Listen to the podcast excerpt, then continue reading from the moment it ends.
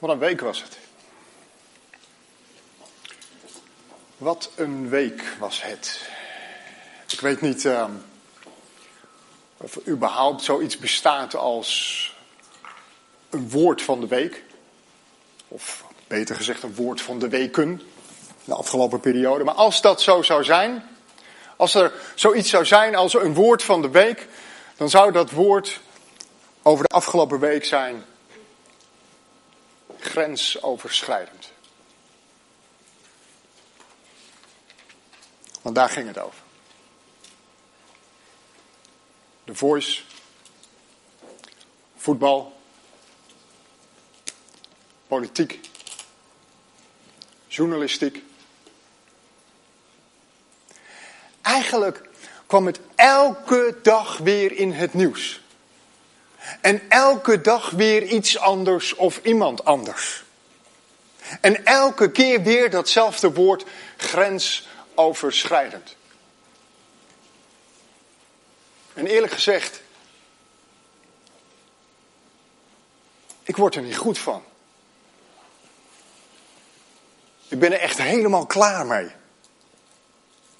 Want kennelijk Kennelijk is er een groot aantal mannen in deze wereld, in Nederland, in ons eigen land, die niet weet dat er grenzen zijn bij vrouwen en die die ook niet respecteren. Op het werk niet, in het openbare leven niet, reken maar ook in het huwelijk niet.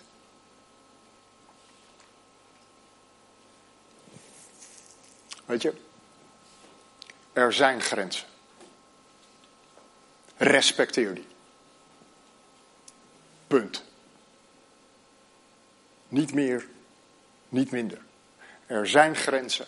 Respecteer die. Punt.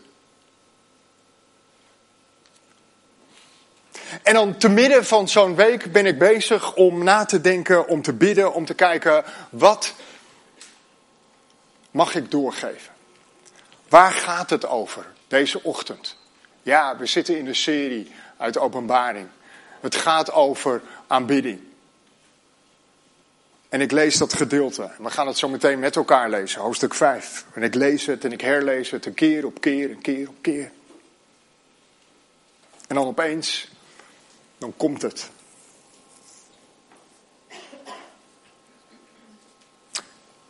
Ik wil het met jullie hebben vanmorgen over grensoverschrijdend gedrag. En ik wil pleiten voor meer grensoverschrijdend gedrag. En begrijp me goed, laat ik gelijk alle spanning uit de lucht nemen. Ik bedoel dus beslist niet seksueel grensoverschrijdend gedrag. Maar ik bedoel ander, goed grensoverschrijdend gedrag. Grensoverschrijdend gedrag wat hoort bij het koninkrijk van God. Laten we lezen met elkaar. Openbaring, hoofdstuk 5. Als het goed is, verschijnt het hier zo boven mij ook. Openbaring, hoofdstuk 5. Toen zag ik, nog steeds hè, we zijn nog steeds met Johannes in de hemel. Vanaf hoofdstuk 4 krijgt Johannes een visioen en krijgt hij een kijkje in de hemel. Hij bevindt zich in de hemelse troonzaal en hij maakt onderdeel uit van, hij is, hij is getuige van de hemelse liturgie. En Johannes ziet verschillende dingen en steeds weer opnieuw volgen we zijn blik en wordt de focus verlegd. En zo ook aan het begin van hoofdstuk 5. Toen zag ik, toen zag ik dit. Degene die op de troon zat, had in zijn rechterhand een boekrol, die aan beide kanten beschreven was. En met zeven zegels was verzegeld.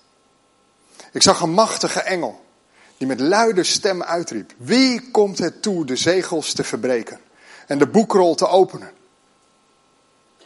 Maar er was niemand in de hemel of op aarde of onder de aarde die de boekrol kon openen en inzien. Ik brak in tranen uit. Omdat blijkbaar niemand het verdiende om de boekrol te openen en hem in te zien. Toen zei een van de oudsten tegen mij: Hel niet. Want de leeuw uit de stam Juda, de tellig van David, heeft de overwinning behaald. En daarom mag hij de boekrol met de zeven zegels openen. Toen zag ik midden voor de troon een lam staan, tussen de vier wezens en de oudste. Het zag eruit als een lam dat geslacht was.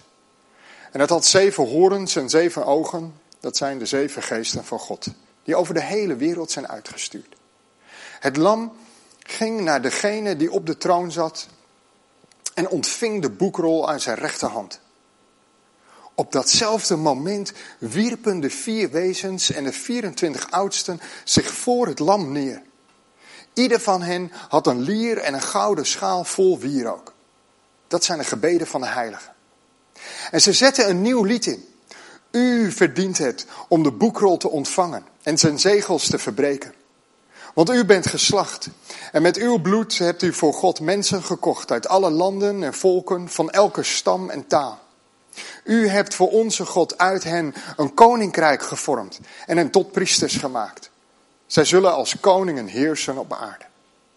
Daarna hoorde ik het geluid van een groot aantal engelen rondom de troon. De wezens en de oudsten.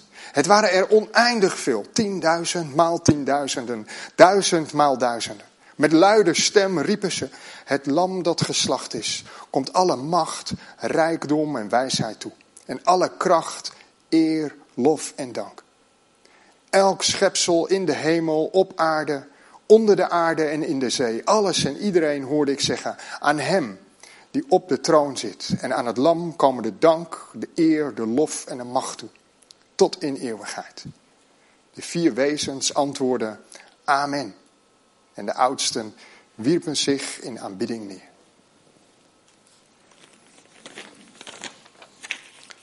Ik zei het al, de setting die is nog steeds dat Johannes in die hemelse troonzaal is. En in hoofdstuk 4 zagen we, twee, drie weken geleden, dat de aanbidding gericht is op God. En dat Johannes' focus ook gericht was op God, op die troon.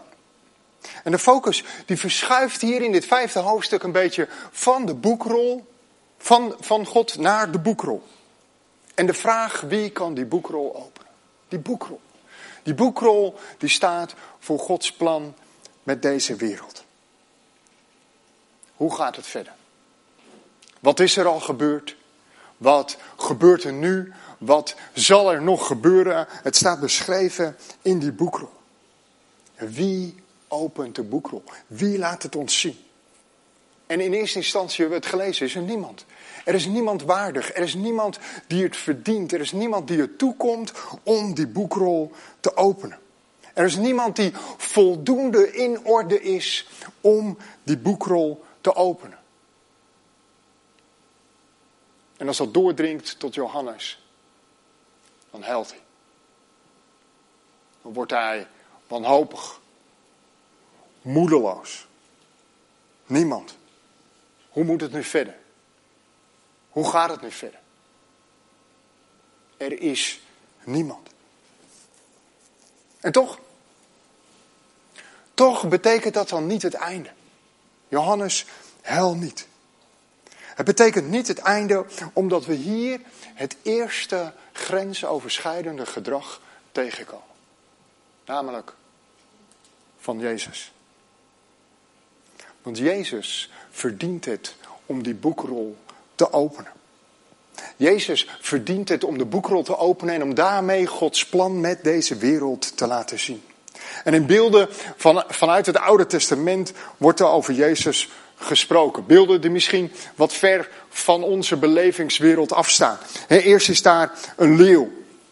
Een leeuw is, is krachtig, die is groot, die is imposant. En dan wordt er gesproken over een telg. Wat zoveel wil zeggen als uh, een nazaten uit het nageslacht van koning David, van die grote koning David. En dan, en dan staat er ook een lam. Zo'n lief, klein lammetje. Jong, dartel. We gaan richting het voorjaar, dan gaan we ze weer zien straks buiten.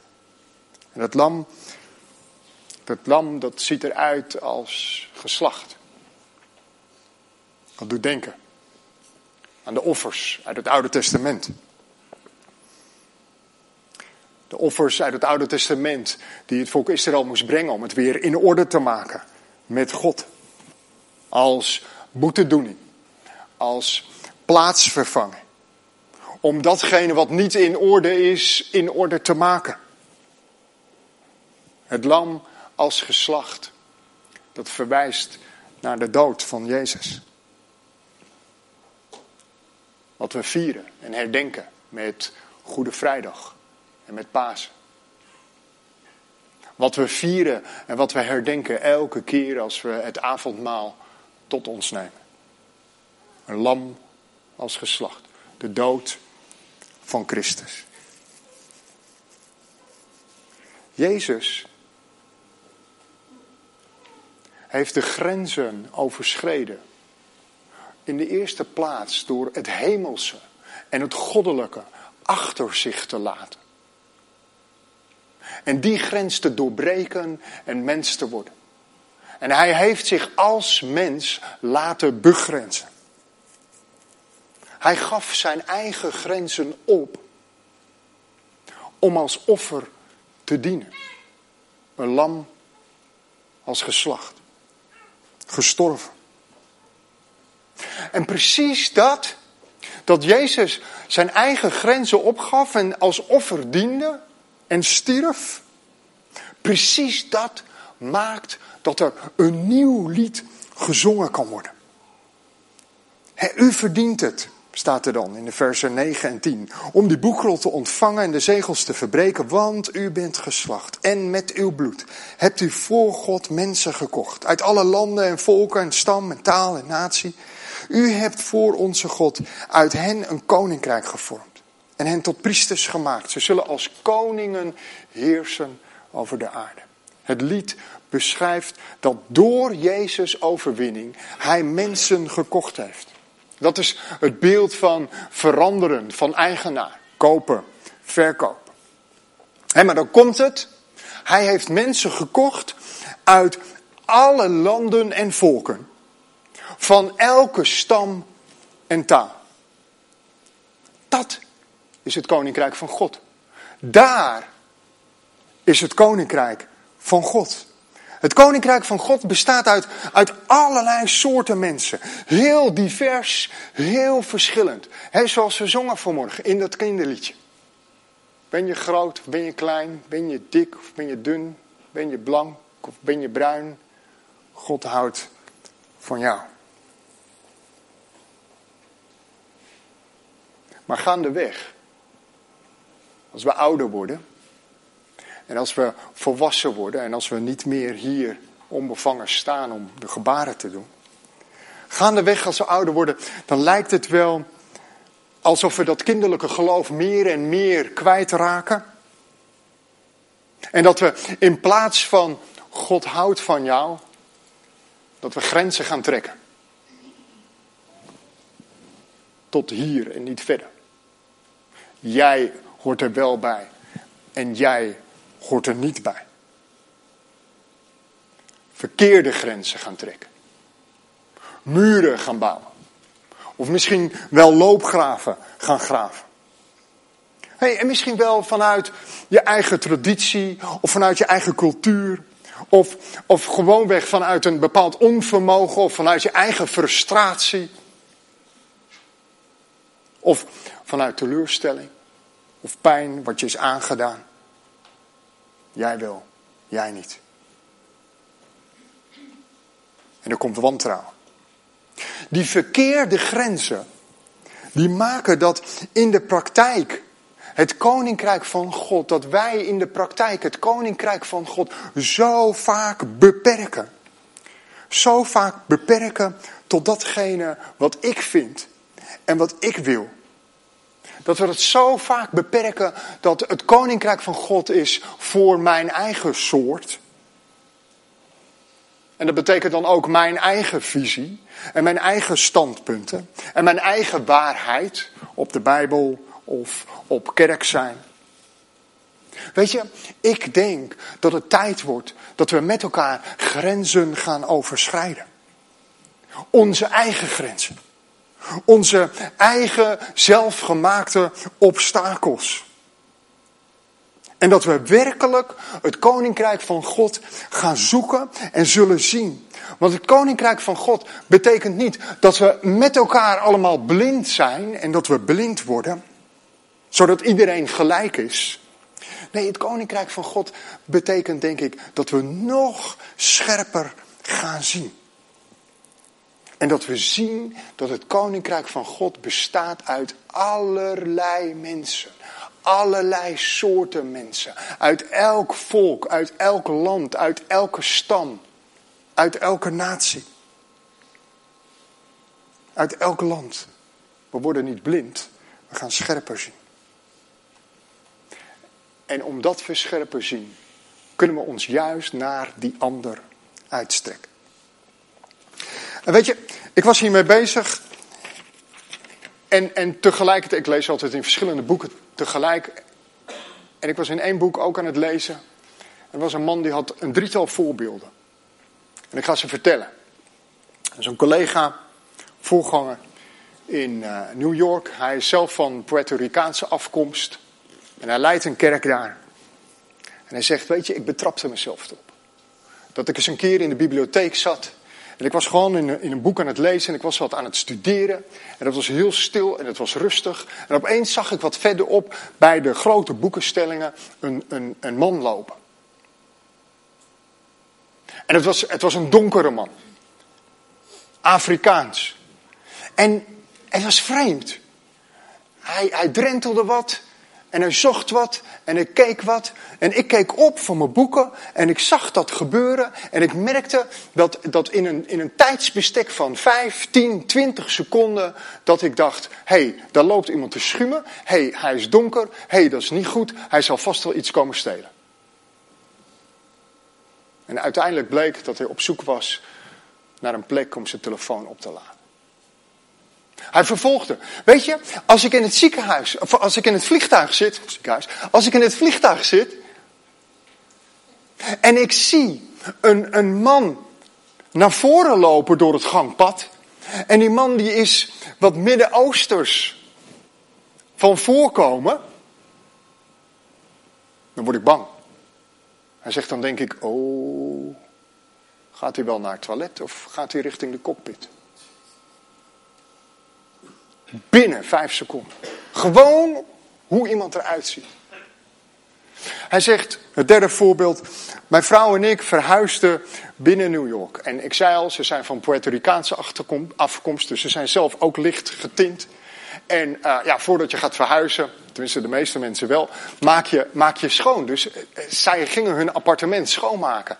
En zijn vrouw liep met een emmer en sop en, en, schoonmaakspullen. Liep ze naar binnen dat appartementgebouw in om op weg naar hun appartement schoon te maken. En er kwam een blanke dame aan en die zegt: Oh, hallo, bent u de schoonmaakster? Nou, weet je wel, gewoon dat. Precies dat. En ik las deze voorbeelden. En ik dacht. Ja, dat zou ik ook hebben. Dat zou ik ook hebben. voor de goede orde, die mensen die denken dat ik heilig ben en dat het allemaal goed gaat bij mij, bij deze, ga ik dat beeld in elkaar slaan. Ik zou precies datzelfde ook kunnen denken. Zo snel, in een split second, dat je denkt, weet je, soms zitten onze vooroordelen zo diep dat we ons er niet eens meer van bewust zijn. Ik denk dat het goed is dat wij als gemeente van Jezus grenzen gaan overschrijden. Dat we onze eigen grenzen gaan doorbreken. En om mee te beginnen zijn er denk ik drie dingen van belang. Weet je, het eerste is, misschien moeten we niet een nieuw lied gaan zingen, zoals hier staat in de tekst en zoals gebeurt in die grote troonzaal. Misschien moeten we niet een nieuw lied gaan zingen. Maar moeten we eerst dus teruggaan naar dat oude lied. Naar dat kinderlied. Ben je blank of ben je bruin? Ben je dik of ben je dun? Dan moeten we dat niet alleen aan onze kinderen leren. Maar moeten we het ook zelf weer in praktijk gaan brengen. Het tweede, denk ik, dat het goed is dat we zicht krijgen op het koninkrijk van God. En dat dit koninkrijk grensoverschrijdend is. Het koninkrijk van God bestaat uit allerlei soorten mensen. Uit elk land, uit elke stam, uit elk volk, uit elke taal lazen we met elkaar. Laten we eens een heel kort experiment doen. Echt vijf seconden, tien seconden. Blijf zitten waar je zit. En neem die tien seconden om gewoon eens even om je heen te kijken. Voor je, naast je, achter je.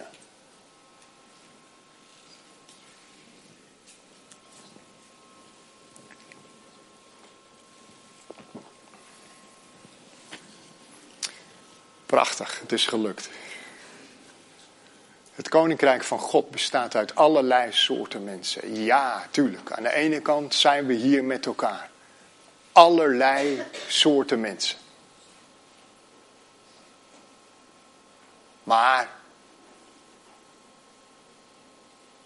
hoe verschillend we ook zijn, we lijken wel verrekte veel op elkaar. Hè? En anders kijk nog maar eens een keer goed om je heen. Uit elk land, van elk volk, uit elke stam, van elke taal. Daar is het koninkrijk van God. En als laatste.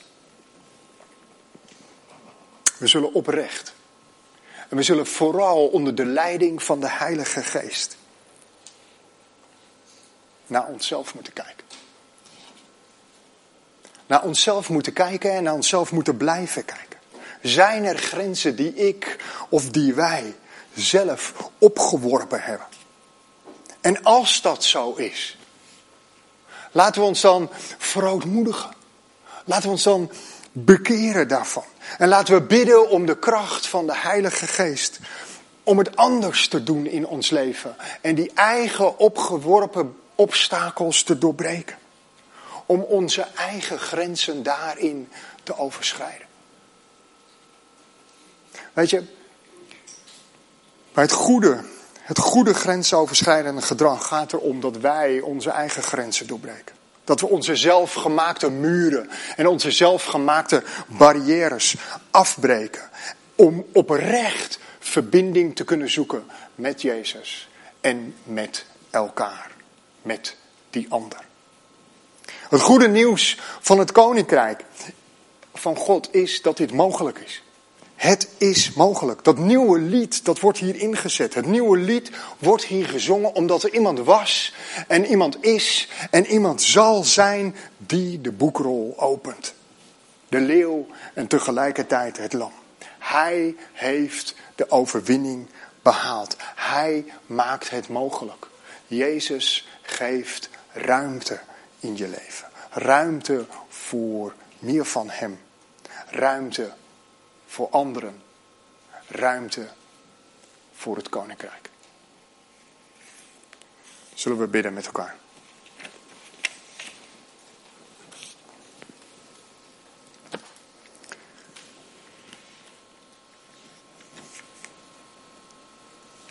Vader in de hemel. Wij, ik, moeten beleiden, Heer, dat we verre van volmaakt zijn. En als we dan, Heer, als we dan zo'n een, een, een glimps mogen opvangen van hoe het er bij u aan toe gaat.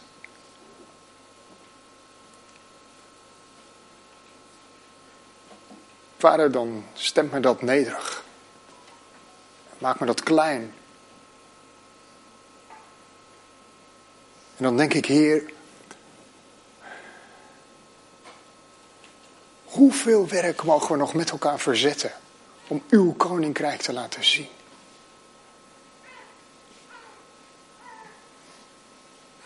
Zodat werkelijk mensen uit elke stam en taal en land en natie en volk, Heer, dat, dat ze u mogen leren kennen, Heer Jezus. Wie u bent, wat u gedaan heeft en wat u doet. Heer, en we hebben u al aanbeden en gedankt door de liederen deze ochtend. Maar we leggen onszelf voor u neer, persoonlijk, als gezinnen, ook als gemeente. En we danken u. We danken u, Heer Jezus, dat u het verdient om de boekrol te openen. En dat u de koning bent. Koning van uw koninkrijk. We prijzen uw grote en machtige naam. Amen.